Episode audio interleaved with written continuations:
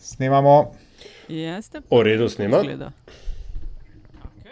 Pol pa novica dneva, ki snemamo. Uh, Andraš, ti tega še ne veš, ne? ampak eh, na Kosezga, Kosezah oziroma Koseškem Bajru so zobročkali šest mladičev. Aha. No, Ja. Andraš je uh, premjerno je vstopil v počitniško sezono z, z Mavkom. Ampak, okay. ja, seveda, tudi jaz sem pomislil na to, da bo uh, ta vest uh, uzradostila Andraža. Morda je pa od same radosti rekel, ma, bom še mal pauze si vzel in je šel poslušati čričke. Ne, ali an, an, škržate, jo, pa, kaj vam je s temi črlički? Ne. Nataša, to sem vedel že dva dni nazaj. Jaz imam namreč posebno obveščevalko.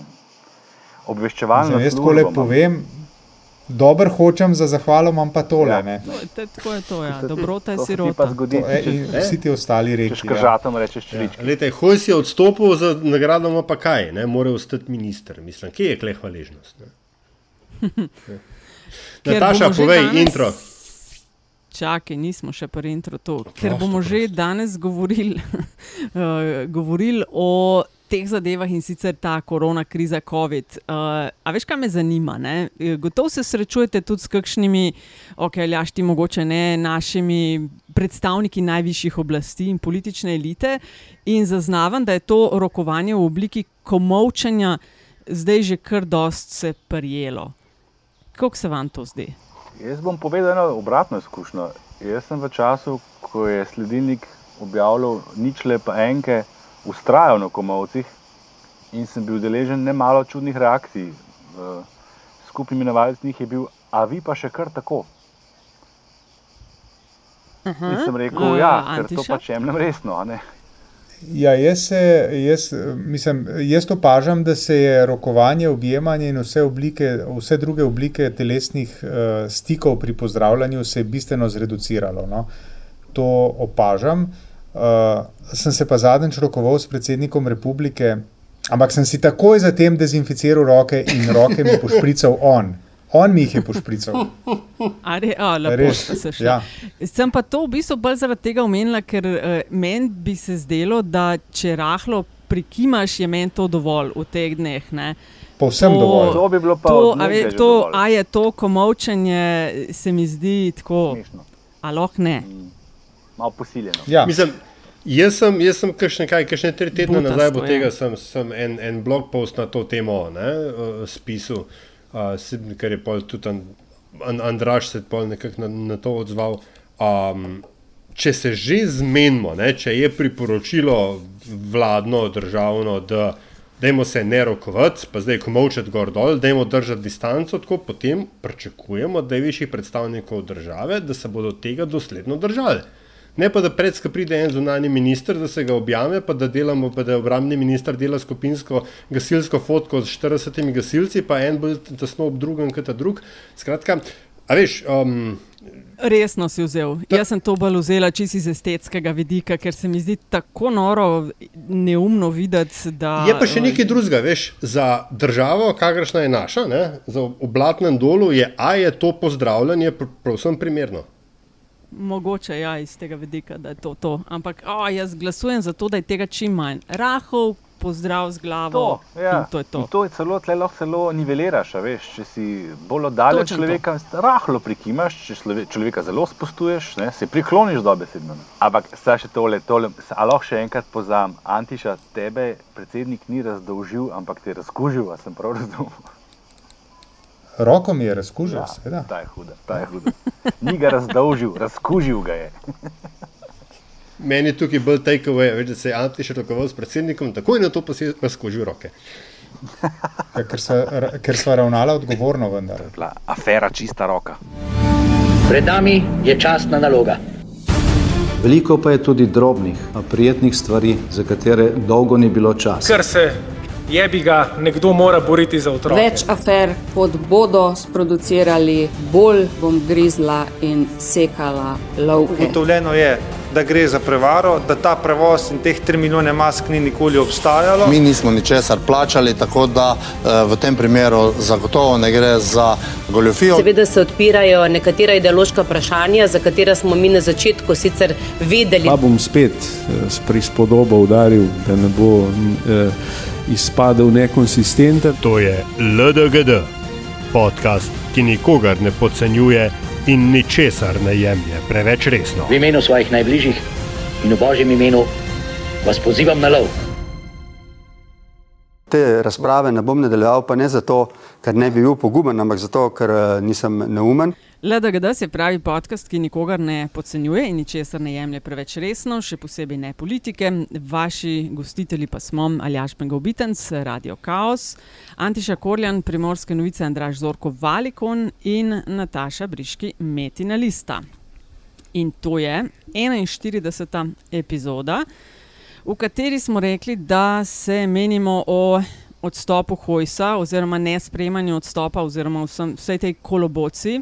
Potem imamo paket COVID, ne aljaš, um, in razpravo v parlamentu, ki se je začela v četrtek, uh, pa prehodi, pa se z nami držal in seksi mobilna aplikacija. Uh, pa če nam ostane kaj časa na koncu, še medijski del, RTV, medijski zakon in uh, planet TV. Ja, začnemo kar pri najbolj. Ja, kar izvolim. Ne, hotel sem reči, pa, če bo Pariz, ki je zelo veliko časa ostal, bomo pa še tale. Um, oh, uncensored. Ja, ja, ja to je to. Freedom Fighter. To je abotnost. Ja. Ok, demo, kje bomo začeli? Ja, a začnemo kar klele, ki je trenutno najbolj aktualno in sicer zadnja redna seja državnem zboru in razprava o četrtem proti korona paketu, eh, se pravi državni zbor, kratek eh, povzetek, je začel razpravljati o eh, interventnih ukrepih za pripravo na drugi val COVID-19.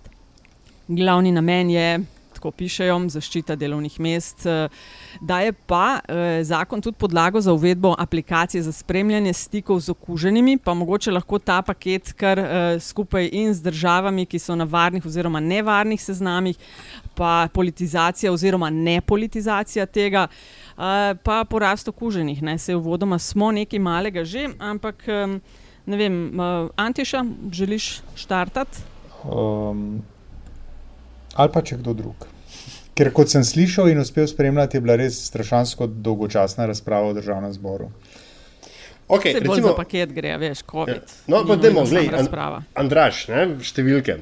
Um, kako se tukaj Številke zdaj seveda rastejo. Ne? In, in uh, dan danes, če pogledaš, kaj danes je bilo 13, včeraj je bilo, ne vem, številke se vrtijo okoli high teens, ne, okoli 20 plus minus. Ampak če pogledamo pa mi to na. 24. Hvala. Uh, če pogledamo pa mi to na časovnici, na časovnici uh, celotnega trajanja epidemije, ne, pa ta vrh, ne, vendarle, oziroma ta rast je dosti pod temi nivoji, ki so bili takrat marca aprila uh, dosegani. Um, kaj, zakaj gre tukaj? Je, je tukaj ne vem, neke vrste ne vem, panika, ko ga enkrat kača piči, se bo izvite vrvi, ali so to upravičeni uh, pomisleki in opozorila? Po mojem mnenju je vse to že do te mere spolitizirano, da res lahko samo še na ta način o tem govorimo. Uh, Spravi z političnih vidikov, ker seveda nismo epidemiologi. Ne. Eh, načeloma ne bi se zdaj dogajala ta strategija uh, Hammer and the Dance, da je to zdaj pač ta den, struktura okuženih je čisto drugačna. Podatek, ki ga recimo jaz osebno spremljam, je število hospitaliziranih, ne potrjenih okužb, ki vemo, da se širijo med mlajšimi, posledice so bistveno blažje, uh, kar še ne pomeni, da smo lahko brezbrižni, seveda. Ne? Se mi pa zdi, da se pa to, te številke na eni strani in z vedika medijskega poročanja ne uporabljajo pravilno niti seveda za kakršno koli ukrepanje, so spolitizirane do te mere, da jih vsak pač uporablja na tak način, kot ne moti, da najbolj ustreza. E, podobno je tudi z aplikacijo, ne, če se vrnemo na to osnovno vprašanje. Ne. Mene je zanimivo pri tej aplikaciji dvoje. En, en vidik je seveda ta, da ti s tem uh, spremeš, da boš uh, sleden, da tako rečemo, ne. ampak po drugi strani vsaka aplikacija, ki se danes naležiš na telefon, te vpraša, če lahko spremlja tvojo lokacijo. In večina ljudi nima s tem nobenih težav, ne? ko pa pride do take aplikacije, pa nastope težave, to mi je zanimivo.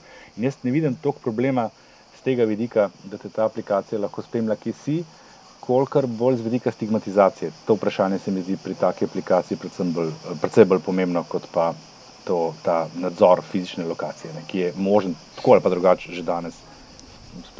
Ma jaz, pa, jaz pa ne bi morda nujno tako postavljal enačaja med uh, recimo tem, da jaz privolim, da me uh, v telefonu spremlja aplikacija, ki mi pomaga najti najboljše gostilne ali pa plaže ali pa karkoli že v bližini. Ne? In tem, da predam, oziroma Bjanko podpišem, uh, da me oblast lahko sledi. Jaz tukaj imam, bi vendarle delal nekaj razlike. Ne? Mislim, ja, če me razumeš, kaj vem, hočeš reči. Veš, ampak, če se spomnimo primera Cambridge Analytica, ne, se tam, tam sicer ni bila oblast, ne, tam je bila bodoča oblast, tista, ki je prišla do enormnih količin osebnih podatkov prek Facebooka, pa ni nihče dal nobene privolitve za to. Ne hočem reči, ja, ne, to, da nič, to nič res ne. V vsakem primeru se to lahko zgodi, ampak seveda ne enačim tega. Ne. Hmm. Mislim, tu, veš, tukaj pri aplikaciji se mi zdi, da gre predvsem za vprašanje um, oblastnosti pristopa. Ne? Ker eh, Evropska priporočila, priporočila Evropske komisije so, da mo, bi morala biti aplikacija, namesto aplikacije, prostovoljna. To je potem dosti bolj podobno z aplikacijami za gostilno plažo itd., kjer se pač ti prostovoljno strinjaš, ne, da v zameno, v, v zameno za to in to komoditeto, oziroma informacijo, ja, informacijo, ti daš del svoje zasebnosti. Ne, pač if the product is free, you are the product. V tem primeru tukaj govori, govorimo pa za oblastni nadzor, za relativno slabo definiran cilj. Ne? Zato, ker Janša je včeraj, prej včeraj, nekaj tvitev o tem, da bo ta aplikacija pomagala preprečevati okužbe. Oprost, ne bo. Aplikacija ja. bo pač povedala samo, da si ti nekoč v ne, periodi zadnjih 3-4 ur, ali kar koli pač že, že bo, bil v bližini nekoga, ki, se, ki je označen za okuženega. Mislim, kaj, s tem je tako vse narobe. Ne? Ja. Veliko stvari, pri čemer so ugotovili, da morajo biti to, da samo na najnovejših pametnih telefonih ta zadeva deluje, ne? Eh, da si jo more naložiti eh, tam nekje 60 odstotkov ljudi, da sploh dobijo kaj uporabnega ven. Ne? Problematična je netransparentnost, recimo informacijska pooblaščenka. Eh, je imela uh, težave, oziroma je ne priporoča teh določb, uh, ustavnost tega obveznosti je vprašljiva. Ne? Jaz sem glih v ponedeljek imela sejo Sveta za človekove pravice in sem vprašala varuha, če je bil v kakšni obliki upleten oziroma povabljen k sodelovanju ne? in je rekel: v nobeni. Tako da te stvari se meni zdijo problematične. Da se jo pa predstavlja kot svet igral, ki bo rešil, ne? lahko bo neka takšna stvar kot maske. Ne? Ampak eden v nizu korakov. Meni se zdi ključno to, kar je Antiša izpostavil. Ne? Mi vemo, da vse aplikacije so zmožne teh stvari, ampak ključno je, kaj ti vlada reče, da si neki na telefon, da te bomo lahko sledili. To je ta ključna razlika. In v tem trenutku, seveda, se moramo tako, mislim, seveda, moraš biti takoj na preži, ne? ne glede na to, kera vlada je ta, ki to, ki to predlaga, da smo si na jasnem. Druga stvar je pa, pridemo do vprašanja zaupanja. Tle, tle ni toliko vprašanje, res, uh, seveda, osnovno, ja, vlada ti nekaj dodeli ali ne, ampak v kolikšni meri pa ti zaupaš določeni vladi, to je pa, to je pa druga stvar. Ne? In tako, je bila tudi raziskava, recimo raziskava tista ne, o, o prekuženosti, okuženosti, tista raziskava je uh, skoraj, bomo rekel, no, skoraj padla na tem, točno na tem, ne, na vprašanju zaupanja. Mal preslabo je bila skomunicirana, mal preveč nezaupanja je bilo do nje. Mi smo tudi merili v Valikonu kasneje med našimi panelisti, če bi bili vi povabljeni v ta vzorca, bi se odzvali in v njih so rekli ne, zakaj ne. In tam je bilo zelo veliko odgovorov, ki so šli v tej smeri, zato ker ne zaupam uh, vladi. Ne, in to je meni zdi pomembno. Ne. Uh, uh, Pričemer tudi transparentni, ne, Andraš, niso bili čist s to raziskavo o prekuženosti, tako, ker se, se spomnim, iste, Maja iste napake, Staglih. Ja.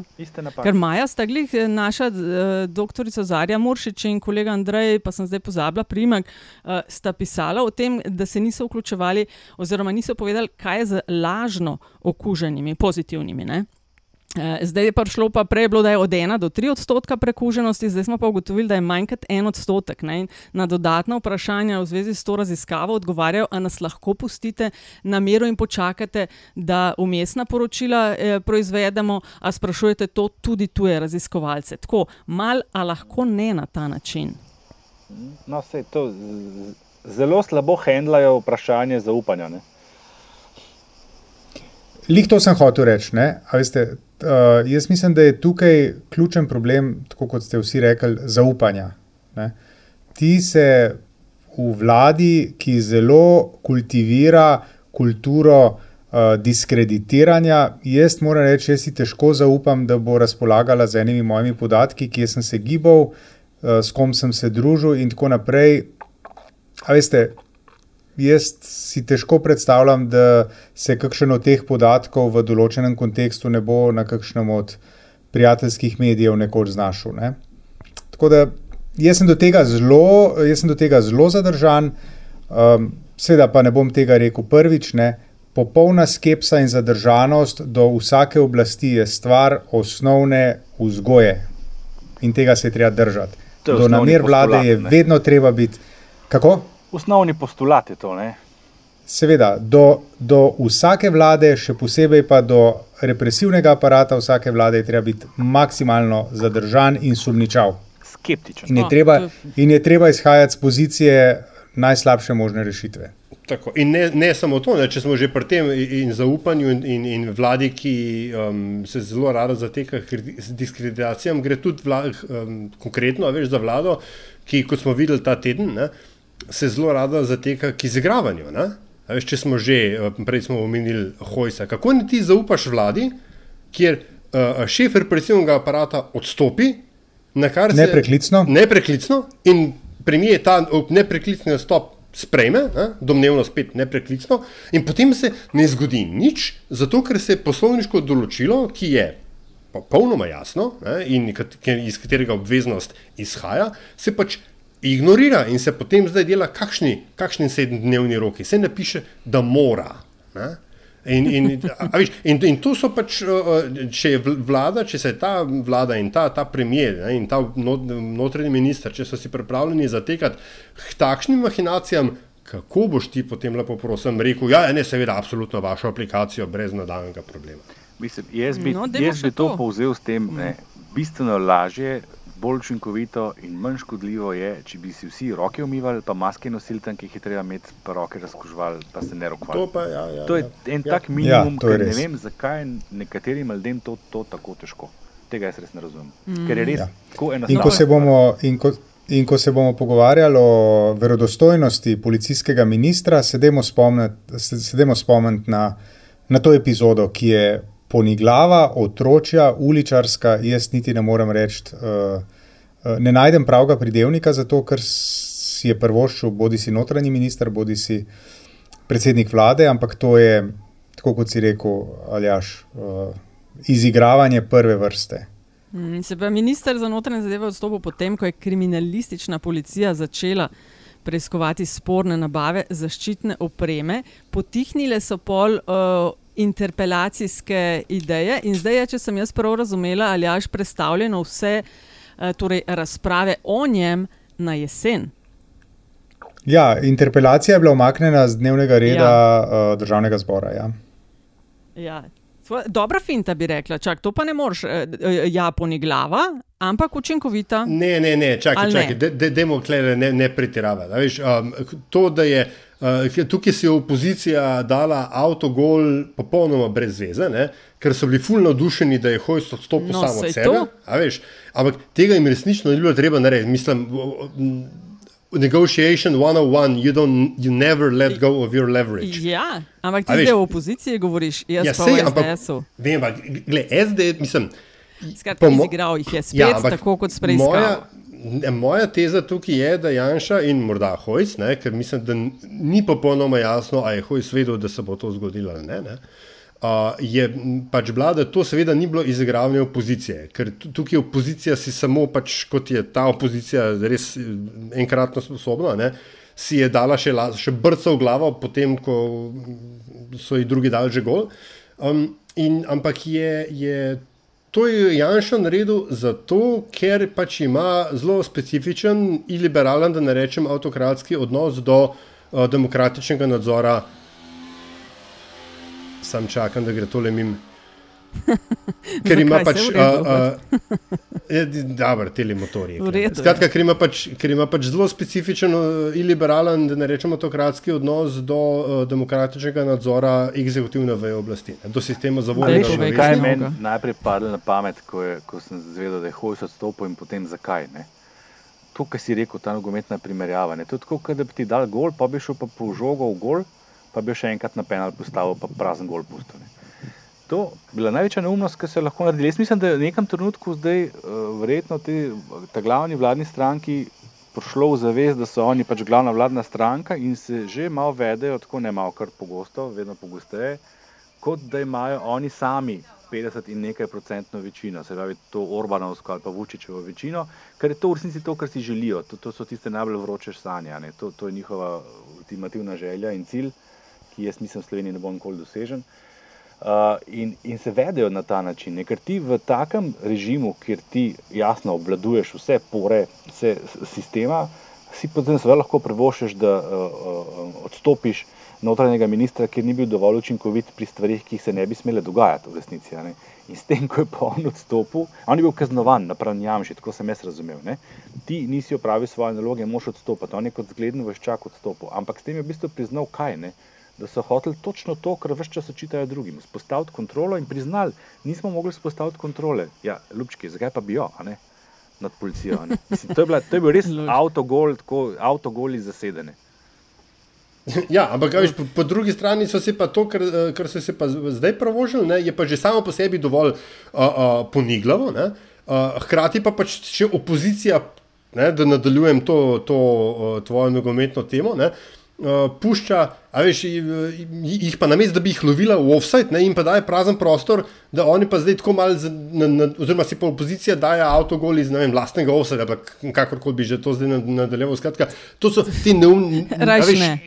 Ja, gled, pač enostavno Janša je tukaj videl priliko, jo je izkoristil. Ne? In, in opozicija pa zdaj lovi uh, svoj lasten rep, namesto da bi se pač resno ukvarjala z, z uh, pač premijejem, ki, aktiv, ki se aktivno izogiba uh, parlamentarnemu nadzoru. Ne? No, in potem pridemo v bistvu do tako bottom line je Janša, Janez Janša to počne zakaj? Zato, ker lahko. Tako. Ne, In ker, te, razumete? in ker testira, Zato, ker lahko. testira, do kam lahko gre. Ja, seveda. In zdaj od te točke naprej, od tega spoznanja, da on to pač lahko počne, se pa lahko pogovarjamo o impotenci opozicije, se lahko pogo- pogovarjamo o še večji impotenci koalicijskih partnerjev, ki so tam, ne vem čisto dobro zakaj, ampak očitno del tega 51-odstotnega, kot si rekel, Andraš, paketa, ker sodijo van, uh, in tako naprej. Ne? In smo, kjer smo. No, še Mi je pa- mi je pa- evo, zdajmo zdaj za čakaj, opozicijo. Čakaj, ne, čakaj, si čakaj, glih- sam, sam, sam še to, oprosti, ker je bom, opoziciji se da marsikaj povedati. Ampak, veš, kam je pa zanimivo, ne? Uh, take away vse te epizode z Janšom in Hojsom. Tudi če minister hoče odstopiti, ne more, če premijer ne, ne obvesti parlamenta. Veš, predstavljaj si zdaj, da ne vem. Um, kaj pa vem, zdaj, ko počevalšek odstop, reče, da se on ne gre več, da je to pa tumačne. Pa če premijer ne obvesti, obvesti pr, uh, parlamenta, je zdravko počeval že še vedno minister. To je zdaj ta logika. Pa se ja, ne obstaja možnost, da to stori minister eh, kot pač del eh, izvršne veje oblasti z uradnim dopisom predsedniku državnega zbora. Jaz, mis, jaz si domišljam, da obstaja ta pot. Če že dan časa spet uporabljajo tako radi na tej strani besedo državni udar, ne, če je bilo karkoli blizu državnemu udaru, je to to. Ker od tega, kar so zdaj izvedeli, pa do tega, da ti na koncu mandata rečeš, da mi pa še nismo eh, odstopili, ker nismo uradno sporočili tega, ni, ni tako delač v resnici. sklicuješ malo na izredne razmere, pa mislim, lej, why not? Če gre tole skozi, mogoče gre pa še kaj drugega?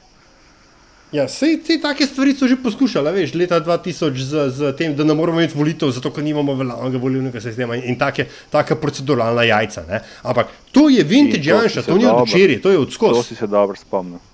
Ker namreč točno to bo vprašanje, a ne volilni zakon. Ja, Če do konca leta je, ne da bo- updatejo, Da ne. bodo do konca odlašali, da bojo pol pod prisilo časovnega pritiska hotel spraviti skozi eno varianto, ki je pisana na kožo točno določeni stranki. Ali pa ne, Ja, ja, ampak ali glej. pa, alternativa bo pa, ali pa ostanemo na oblasti. A veš, a mislim. Ja, ampak leta 2000 je Janši padla koalicija baš po tom pitanju. Ne? Tako da je spet Večinski možno, sistem, da no. se bo, mislim, je pa spet vintage Janša, da se zajebe dvakrat na isti način. Kar ne bi bilo ne. A lahko zdaj malo opozicije? Ja, dajmo, dajmo opozicijo. daj. Dajmo. Lahko malo česa? Dajmo, Desus, Desus Česa, imamo v Nataša? mislih. Prosim. Česa dajmo mal? Desus imamo opozicijo, Desus imamo v mislih. opozi- ne. a Ta teden, ja, ta A teden česa? je bila O čem govoriš? Ljublja- Opozicije. Ljubljanski odbor zanko je izglasoval. Ljubljanski odbor je izglasoval nezaupnico predsednici Aleksandri Pivec. Uh, ravno danes, ko to snemamo, naj bi o tem razpravljal Desus. Um, Pivec je zapravljal, se mi zdi, v nekaj mesecih že kar precej uh, svojega imidža ali pa plusov, ki si jih je nabrala v januarju, ko je presenetljivo premagala Erjavca. Uh, zaznala sem, da celo škripa na relaciji Gantar-Pivec, pa naj spomnim, Gantar je bil prvi ali pa eden prvih tistih petih, ki so stali okrog Pivec, ki je čestitev in navijal za njo, da je premagala Erjavca. Ja. In Ja. kaj, kaj Ja. zdaj? In uh, a imamo kaj, kakšen stavek o tem zapovedati, ali bo Gant, okay, eno je Desus pivec, drugo, a zna biti Gantar naslednji minister, ki bo ne vem, uh, odstopil in bo pol na koncu tudi državni zbor ta odstop sprejel. Ne? Gantar Kacin fajt se mi zdi recimo tudi blazno zanimiv. Ma ja. Ampak Ljubljanski odbor. Kar povej. Kar izvolite, Antiša v izvolite, bistvu gospod. sprašujem. Ne, jaz nisem hotel še nič reči, tukaj sta se Aljaš A ja. in Andraš uh, spopadla Aha. za besedo. Ne, mislim, da ima. Aljaš tle sigurno več zapovedati. Imam tak blagi Ne. Ja, mislim, da je Ljubljanski odbor Desusa super, redo, fino, fajn, ampak klej je ne vem, še ostalih pa samo devet. Ne. In, in Ljubljanski odbor Desusa je bil vedno tako mal, mal poseben, ne, pač ipak, se- ipak sem jim poznal, da so iz Ljubljane. To, kar so seveda povedali, je, je pomembno, je važno, ni pa zdaj to neka, neka težka sprememba kursa, kursa stranke, ki, ne pozabimo, ne, jo še vedno določa predvsem pet poslancev v, v državnem zboru. A veš, In, in tukaj, ko kar koli obrneš, ne, je tako. Aleksandr Pivec lahko zbira, ali bo ona igrala to igro, za katero več kot očitno ni bila pripravljena, da ne rečemo sposobljena. Ne. Uh, ker je ona v ta špil padla, ni, ona še niti dobro ni bila šefica stranke, ko je Šarž že odstopil in potem videl, kaj se je zgodilo.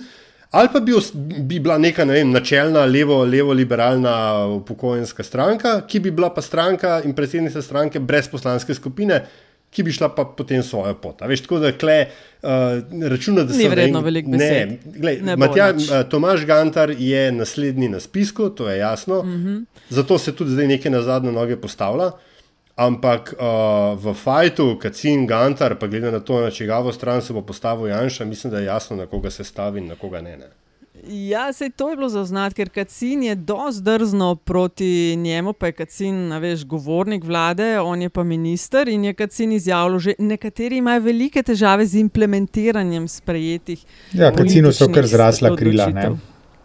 Mhm. Kacinu so v zadnjem času kar zrasla krila, se mi zdi. Ja. Veš, Kacin je del tega usporednega sistema, ki ga je Janša postavil s krizo. Ker imaš ti posebej komisije, posebej posvetovalna telesa, posebej odbore, ne vem kaj, ni nič v okviru standardnih vladnih struktur. In del tega je tudi Jelko Kacin kot COVID-19 govorec, ne, kako se temu reče, ki je vse to, vse to lava paralelno ob vladnih komunikacijskih kana- kanalih in tako dalje. In seveda. Če imaš ti direktno linijo do premijeja, medtem ko se, ko se mora ministr za, za zdravje najaviti pri tajnici, da bi mogoče imel pa 15 minut s premijejem, a veš, pol veš, koliko je ura. No? Ja, jaz tukaj bi mogoče samo naredil en uh, vdihno, bi pa bi uh, ambicioznim politikom bi nekaj svetoval. Ne? Dajte se nekako povezati z Aljažem in ga nekako podkupite, da vas ne bo omenjal kot tiste, ki ste naslednji na, uh, na seznamu. Zato, ker on je pravilno Nostradamusovsko napovedal, da prvi, ki bo šel, bo šel uh, uh, Hojs. Zdaj je omenil Tomaža Gantarja. Gospod mm. Gantar, previdno, previdno. Je pa nekaj Ja, res, pred ne, par veš, meseci je pa Gantar so bili igri. žrtev? Ne? Mislim, kjerga ministra pa lažje zamenjaš v teh razmerah, kot zdravstvenega? V kjerem koli trenutku je lahko kriv. Mm. Za karkoli. To je ena in druga, in druga je to, omenili, a veš, Tonina. Druga je to, da on, ni, da on ni ekonomist, pravnik, vojak, karkoli že, ampak je doktor in on približno ve, kako medicina funkcionira. Ne? Uh, in on ima tukaj, on ima tukaj, to je zadnjič tudi samo enem nastopu omenil, on je razcepljen tukaj med dvema vlogama. Ena je zdravniška, uh, pač z nekimi vrednotami, in druga je političarska, ki pač vrednote niso nujno prve na seznamu uh, prioritet. Tako da on je tukaj v precepu. Ja, pa, še pa še predsednik, pa, pa še predsednik stranke. Ni, Tako, ni, točno to, ni predsednik Ej, stranke. Ste opazili, kako visok status priljubljenosti ima? Mislim, da je celo v top 3 uh, Tomaž Gantar. V zadnjih merjenjih bil. Ampak Ja. tam je pa dosti visok tudi Aleksandr Pivec. Uh, to se ne spomnim, sam vem, da mi je v oči padel Gantar, drugi ali tretji. Sam čak, če, če v, v top 3 pa pa še predsednik republike zahteva njegovo menjavo. Mm. Je to pa že nevarno? V tem danem trenutku sem se spomnil na našega komisarja v Bruslu. Kako pa on kaj? Kako je pa on kaj te dni? Ja, danes s predsednikom vlade, mislim, da se danes sestanete ali kako že, ali včeraj, ali danes, ali jutri. Enkrat zdaj sta na. Ker je predsednik Uh, vlade v bilo pri Ja, predsedniku republike? pri predsedniku republike je bilo tako, da sem na poti tja zvedel, da je odstopil minister, eh, torej, eh, šef policije in minister za notranje zadeve. Seveda sem ga najprej vprašal to, še preden smo se usedli. In, eh, Ni bil, ni bil uh, pripravljen karkoli povedati, sicer pa tisto, kar uh, tam sva bila z urednikom Primorskega dnevnika, pogovarjali smo se o dogodku v Trstu v prihodnji ponedeljek, oziroma v ponedeljek, o Bazovici, pa tudi o drugih zadevah, notranje političnih in tako. Um, se mi zdi, da mu ta gesta oziroma ta poteza, ki jo boste naredila z uh, italijanskim predsednikom Mattarello, da mu zelo veliko pomeni, se zelo veliko se je okrog tega kar precej angažiral. Daj Uh, malo več povej o tem, kaj boste naredili, mogoče vsi ne vejo. Uh, ja, one dva bosta pravzaprav bosta neka moralna podpornika in bosta priči, oziroma kako- ja, priči, ali kako se temu reče, podpisu, uh, podpisu enega dokumenta, ki bo urejal začetek prehajanja lastništva Tržaškega narodnega doma. uh, V roke slovenski narodni skupnosti v Italiji. Uh, Tržaški narodni dom je objekt, ki je bil 13. julija uh, 1920 požgan uh, in po stotih letih, se pravi v ponedeljek, se vrača simbolično v, roke, v slovenske roke. Uh, to je začetek enega tako verjetno daljšega procesa, uh, ampak prvi korak bo storjen. Potem pa gresta, potem pa gresta uh, oba predsednika na Bazovico, kjer se bosta, zdaj ne vem, najprej mislim, da se po, poklonita spominu umrlih v, v Fojbi, in potem gresta še k spomeniku štirim tigrovcem, ki so bili uh, ubiti na Bazoviški gmajni. Evo, to je nekako na kratko orisan uh, um, program uh, ponedeljka, in pač o tem je tekla tudi beseda. Mhm. In intervju je bil objavljen, mislim, prejšnji petek. Ja. Tako. Je bil bran. Je, je bil kar bran, je bil kar odmeven tudi v zamejski skupnosti. Tisto, kar je zanimivo tukaj, je to, da je, um, da je um, tako, nekaj odpora, nekaj odpora, seveda, uh, Pahorjeva poteza, uh, oziroma nameravana poteza, je zbudila. Um, ampak mislim, da se plani v tem smislu niso, niso nad spremenili. Mm. Uh, Ker smo pri branosti in tem, mogoče lahko skočimo pa za zaključek še na uh, razdelek mediji.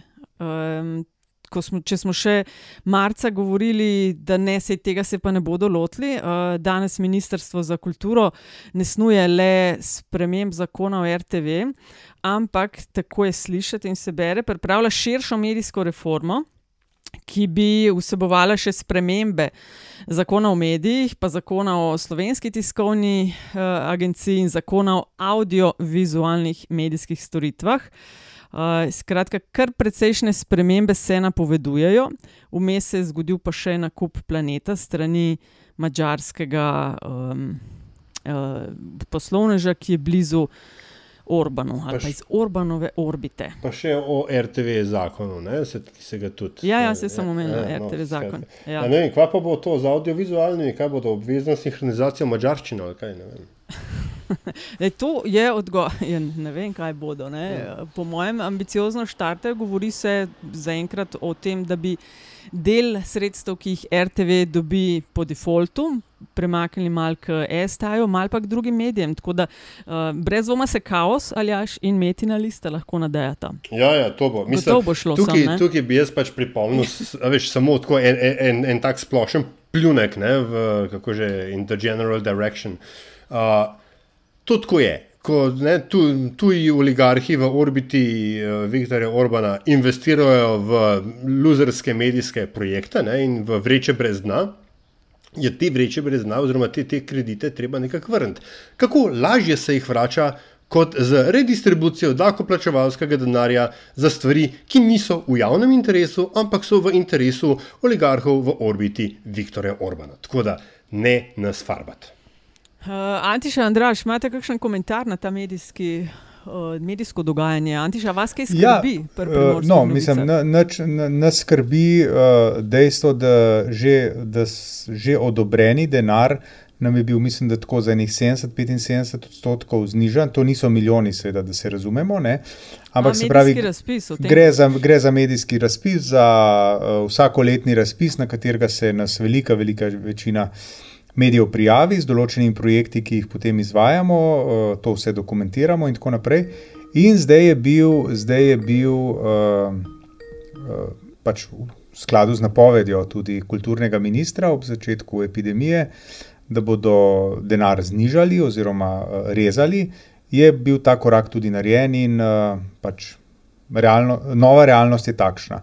Kar se, pa tiče, kar se pa tiče tega ustvarjanja enega medijskega imperija, jaz tu pozoril, da ta imperij ni več tako obskuren in tako mehen. Ne. To je zdaj pa že kar, uh, bi rekel, kar zajeten šopek enih medijev, ki so gledani, poslušani, spremljani tako ali drugače uh, v različnih obsegih, ali kako se temu reče. Ne. Ampak tukaj govorimo zdaj počasi o planetu, govorimo o Novi 24, ki mislim, da ima dva programa, ima neke pridružene spletne strani, govorimo o ne nazadnje tretjem programu uh, nacionalne televizije, ki je pač zelo močno državotvoren. Um, govorimo o demokraciji, upam, da koga nisem pozabil ali po, po, po, po krivičnem uvrstil ta cvetober. Ampak to, to je pa zdaj že, bi rekel, en uh, v bistvu razmeroma močen aparat vplivanja na javno mnenje. In če izhajamo iz predpostavke, da ljudje v medijih pogosto iščemo tudi potrditev lastnih stališč, potem vemo, kje smo. Mislim, Cvetober, kot si ga omenil, je slišati že kar množičen, a ne? je pa druga stvar, kakšen doseg ima, ima ta Cvetober. Ne? Doseg teh medijev je še vedno zelo, zelo omejen, ker z izjemo planeta in tretjega programa RTV so vsi, ki si jih omenil, tipična strankarska glasila in tak je tudi njihov domet. Ja, jaz sem pa zaznal nekaj ironije v tem, ne, če se spomnimo, kdaj in zakaj je planet nastal. Ne? Planet je bil v bistvu ustvarjen s tem namenom, da bi imela ta stranka uh, roko nad eno državno vodeno televizijo. Ne? In je kanček ironije v tem, da so jo zdaj morali prodati Mačarom, zato da bodo končno dosegli svoj cilj. Se pa jaz drugače tega, z tega vidika ne so jo bojim. sebi prodali? Prosim? So, ali so jo pa sebi No, ali pa prodali? sami sebi, kakorkoli. Po malo nižji Ampak, ceni. eh, Mene to ne skrbi toliko, ker glede na to, kar vidiš na Novi 24 in posledično, kakšna je gledanost te oddaj, teh oddaj, eh, če bodo isto naredili na planetu, seveda bo to bo, bo isto slabo gledana tudi ta televizija. Tle sta vendarle uh, Pop TV in RTV Slovenija do te mere močni nosidreni, da brez teh dveh ti ne moreš posežeti. Ja, ne. zdaj pa, Andraž, čakaj, ne, ja. sam, je pa seveda Ja. zdaj pa velika nevarnost, kako sistematično so se počitno lotili zdaj res RTV, ne, ker so ugotovili, da skozi te klasične poti programskega sveta in tako naprej ne bo šlo. Ker to je bilo tisto, o čemer smo takrat govorili, da tudi če bodo probali, da jim tle ne bo uspeli in so tudi sami ugotovili, da jim ne bo. Če pa razgradijo ta sistem financiranja do te mere, da pa, da pa tle izgubimo RTV in da izgubimo javni vpliv na, na RTV, to je pa, pa druga zgodba. Ne? To je pa, veš, ti, ti lahko, ti, ti, ti, ti ne moreš enih poprečnih voljivcev 60 plus prepričati, da bodo gledali Planet TV, če bo tam pač šit ne, od programa in, in vsega. Uh, boš pa zelo težko preprečil, da bodo pa ti isti voljivci nehali gledati RTV, čeprav boš to isto naredil tam. To, to je velika razlika. Pač govorim o moči, tradiciji enega brenda kot je RTV. Ali pa Planet TV, ki se je zadnja leta zelo, zelo, zelo trudil, zelo trudil, pa z rejtingi niso prišli daleč, čeprav obstaja tudi ena teza, da so te rejtingi malo pofejkani, ampak pustimo to za kdaj drugič. Ne, ti bistveno lažje to narediš z enim RTV. In tega je meni bolj strah. Če bo res, pa kot sem obljubil takrat v enem podkastu, našem zelo epizodi, uh, če bo prišlo do tega, bom prvi, ki bom stal na, na brnikih. Pa ne samo to, pazi, gledaj, ima, RTV imamo, imamo STA, ki ga povzema 90 odstotkov slovenskih medijev. No, pa še to zraven. Ja, imamo, ne, veš, imamo zdaj pač medijsko veš, zakonodajo. In če prav berem, ne, zdaj na Twitterju je, je rok za pripombe 4 dni. Veš, mislim, javna razprava bo kaj, štiri dni trajala, pa ali pa tudi če traja en mesec, vse en pred poletjem. Veš, mislim, to, so, to so taki poniglavi in izigravajoči triki, spet prehajamo do vprašanja zaupanja, uh, zaupanja v oblast. Ne, to, uh, to je. Uh, uh, mislim, to je reže na pol kriminalno, veš, in pa ne samo zato, ker, ker pač delam, delamo v medijih, ampak gre za to, da oni na ta način uh, uh, um, ne samo uh, rušijo uh, neko, ne, da, da rečemo, reč, na rekovajih demokratično vejo, vejo oblasti, ampak da gre za prelivanje javnega denarja, dakoplačevalskega, v zasebne žepe, kar je ta ista stvar, ki so jo oni. Prav ta oblast, dokler je bila v opoziciji, na veliko kritizirali pri razno raznih medijih, od mladine na vzdolj. Ali jaš, Ampak a ti lahko ta postopek zostaviš s kakšnim referendumom? Oh, mislim, gledaj, opcije tu so, imaš referendum, imaš ustavno pritožbo, imaš, imaš vse te stvari, ampak hec je o tem, a, a, a, če imaš ti javno razpravo, v kateri ne bo resnega glasu proti, ne, imaš uh, ti imaš absolutno prednost v, v parlamentarni razpravi, in, in, in tako dalje. Veš, in, in medtem, ko pač zakon vla in ko imaš ti referendum, boh ne dej, da bi oni ta zakon zdaj probali še pod kakšno tole novo referendumsko zakonodajo, čež da ni možen referendum, ne vem, ker je se blazno mudi zaradi epidemije, ne vem, koga se pizdo mater se bodo izmislili. Se pravi, čujem, malo sem vedno, vidno, slišno razbesnjeno okoli tega. Um, a veš, hočem reči, ker naenkrat je cel kup možnih proceduralnih trikov, na, na podlagi katerih lahko oni uh, uh, zapeljajo ta vlak dosti dlje. Kot bi sploh smel biti premaknjen. No? Kar pomeni, da če mm. ne bo tukaj vse približne enotnosti opozicije na tem skupnem imenovalcu, da RTV mora ostati to, kar je danes, formalno, in tudi sebinsko uh, se to res lahko zgodi. Ne. To je pa zdaj v bistvu ena De velika odgovornost na strani opozicije. Ne. 39 glasov imajo, uh, mislim, če jim uspe ja, ne, ne, razgradnja RTV. Ja, rekel, ne, da bi uspeli preglasiti, to seveda da ne, ker nimajo dovolj glasov, ampak če bodo oni razdrobljeni, če bo vsak pelil nekaj to po svoje, se bo to res zgodilo, kot je Aljaš rekel, sam, če se bojo poenotili vsaj okrog tega, pa eno orang fronta, mislim, oni bi morali zdaj imeti dejansko eno fronto ustanovljeno, ki bi take stvari, ki so pa res katastrofalne, lahko za, za dolgoročne. Ampak čakaj, vse fronto lahko imajo, ampak na koncu pride do glasovanja. Pa imajo 39 glasov, če so vsi ne, ne, ne, skupaj zadinjeni. Uh, ulaganje teh te proceduralnih štosi, tle bo, tle bo na koncu tisti, kdo bo močnejši uh, v obvladovanju procedur v državnem zboru in izven njega. Tle, in zaenkrat so se izkazali SDS-ovci veliko bolj spretni pri tem. Ne? 39 poslancev. Ne, ne, ok, razumem. Ja, upamo, da bodo oni malo bolj aktivni. Ne? Nekaj, če drugega Nisem ne slišala, kaj si rekel. To, da, da stvar za eno leto zastane, leto pa pol poseba volitve. Tako, veš, gledaj, 30 poslancev lahko zahteva razpis referenduma, če se prav spomnim, še preden tako. zakon vstopi v lavo, itd. itd. Veš, kle, so, so opcije, ampak je točno tako, kot je Andraš rekel, opozicija se bo morala usesti, reči, tole je pet ključnih vprašanj, o katerih recimo, da naredimo fronto, vse ostalo. Minimum konsenzusa med njimi. Ne? Tako, mm, tako. Mm. Mislim, razgradnja RTV-ja brez dvoma bi tektonske premike na medijski sceni pomenila, ne? bi pa ta cvetober, ki ga je Antiša naštel, ne, eh, ne bi sam zamahnila z roko, da gre, gre mogoče zaenkrat res za smešne še rejtinge in obiskanost in branost, ne? ampak eh, tako rada testiram, kadar sem v različnih krogih, kdo kaj gleda in kaj. In če dalje več eh, ljudi, ki niso prej tega nikoli omenjali, začenja spremljati te kanale eh, iz eh, tega cvetobera in šopka, recimo da SDS-u friendly media. Ja, ampak Tako da ni to bo začelo rasti, tako je isto. Um, lej, eh, 95. ko se je Fox News v Ameriki pojavil, so tudi smešne rejtinge imeli. Ne. Danes so kar hud Ja, faktor. samo v. Ameriki imaš ti dovolj ljudi, ki so naklonjeni tem smerem. Ne pozabiti, mi imamo v Sloveniji vlado, ki predstavlja večino, ne predstavlja pa večino tega, kar voljivci na vsakih volitvah pokažejo zelo jasno. Ta vlada ne, nima večine v, v plepsu. Ne. Je nima. Ja, ampak tukaj, yeah. ampak, viš, spet, ampak, pazi, spet smo pred narjo. Pol bo pa recimo ta vlada bo šla, pa bo neka spet neka levo-liberalna vlada in pa bojo kakšni uh, uh, um, politično korektni rekli, joj, ne, ne smemo vzeti, ne smemo vzeti to hitro spremenjati zakonodaje, ki bodo rekli, da je politično, pa da vem kaj, pa mrš, razumeš? Eh? Tako da, No, Dobro si se da, lej, razhudil. čez, da čez Ma ja, no, bo če tudi pizda, brez RTV-ja no. ti zdel zelo spominja na močen. moje, na moje nemirne čase, Aljaš. ja, ja. Ne, a imamo, Um, ja. okay, imamo še kaj.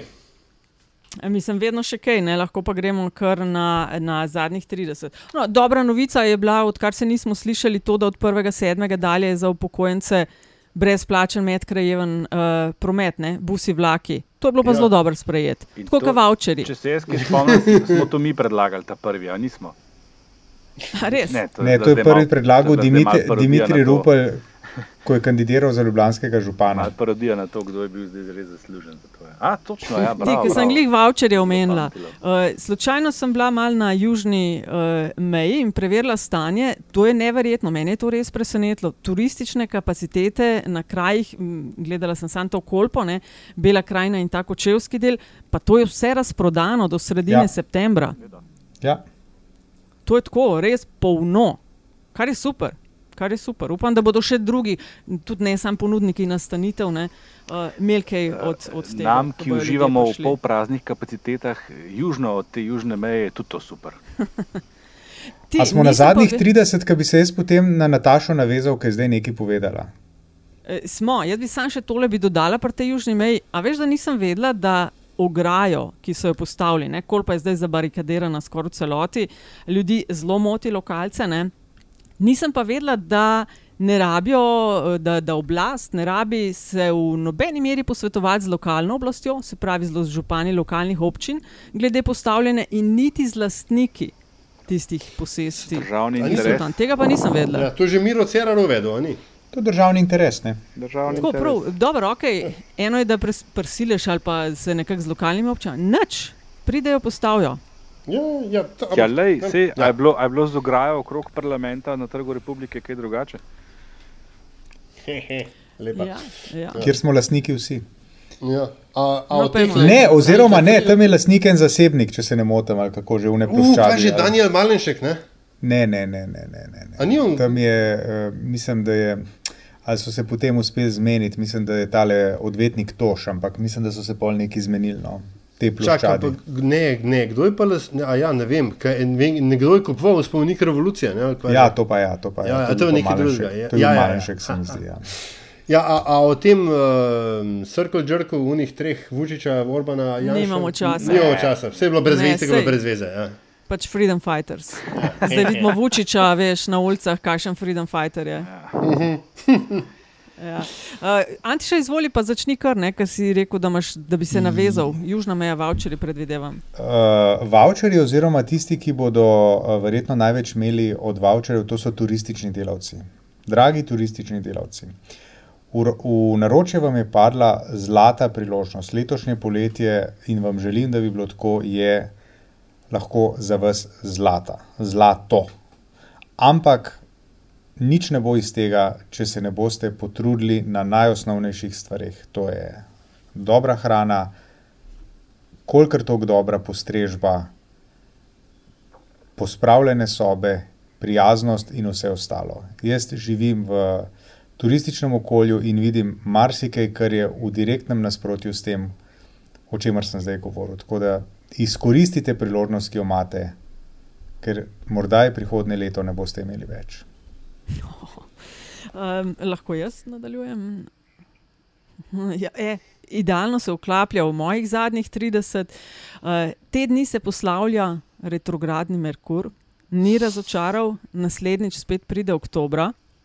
Uh, do takrat pa mogoče ideja, kako se da uh, fino čas preživeti. Če imate kakšno minutko fraj, obiščite spletno stran itelescope.net. Gre za mrežo top teleskopov po vsem svetu, 18 jih je in 4 observatoriji, ki so prek spleta prosto dostopni. Ok, brezplačno samo za en mesec, ob registraciji, ampak ne zahtevajo nobene kreditne kartice in podobnega. Pogledi pa lahko zamotijo za ure in ure spektakla na nebu. iTelescope.net. Kdo odnajo? Ali jaš ti pripuščam?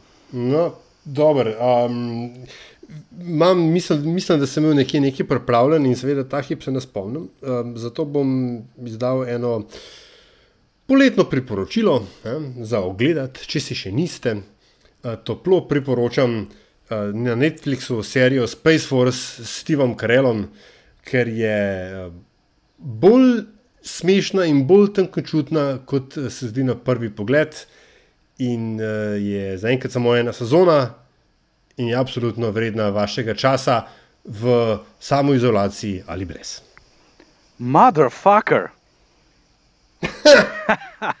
Res, ali kaj? Jaz sem tudi užival. Ja. Jaz sem že dvakrat padel, pa blej. Pač kršim pravilo, komentiram.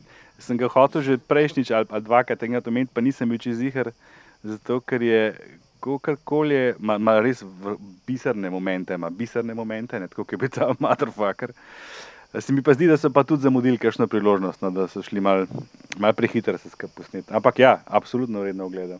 Jaz itak nimam zadnjih 30, razen tega, da omenim, da lani v tem času sem bil ravno tako v tem kraljestvu škržatov in zvesti poslušalci se bodo morda spomnili, da sem prepustil mesto gostu Pavletu Gantarju in poslal 30-sekundni posnetek zbora škržatov za zadnjih 30. Letos teh lahko vseh teh 45 minut poslušali, če sem prav razumel. Uh, bi tudi letos bil gost Tomaš Celestina, tokrat, ki pa je žal zaseden z zasedanjem državnega zbora in ko bo jutri zjutraj to poslušal, upam, da ne bo še vedno sedel tam in hkrati lepo zdrav Tomaš. To je bil le DGD, podcast, ki nikogar ne podcenjujem in česar ne jemlje preveč resno, še posebej ne politike. Če nam želite kaj sporočiti na ključniku LDGD, smo pa Afna Andrazus, Afna Antisa Korjan, Afna Pengovski in Afna DC43. Kličemo pa vnaprej, hvala za deljenje epizode, za vse komentarje, kritike in pohvale. Če uspete kaj v naš šparoček primakniti, pa trikrat hurej.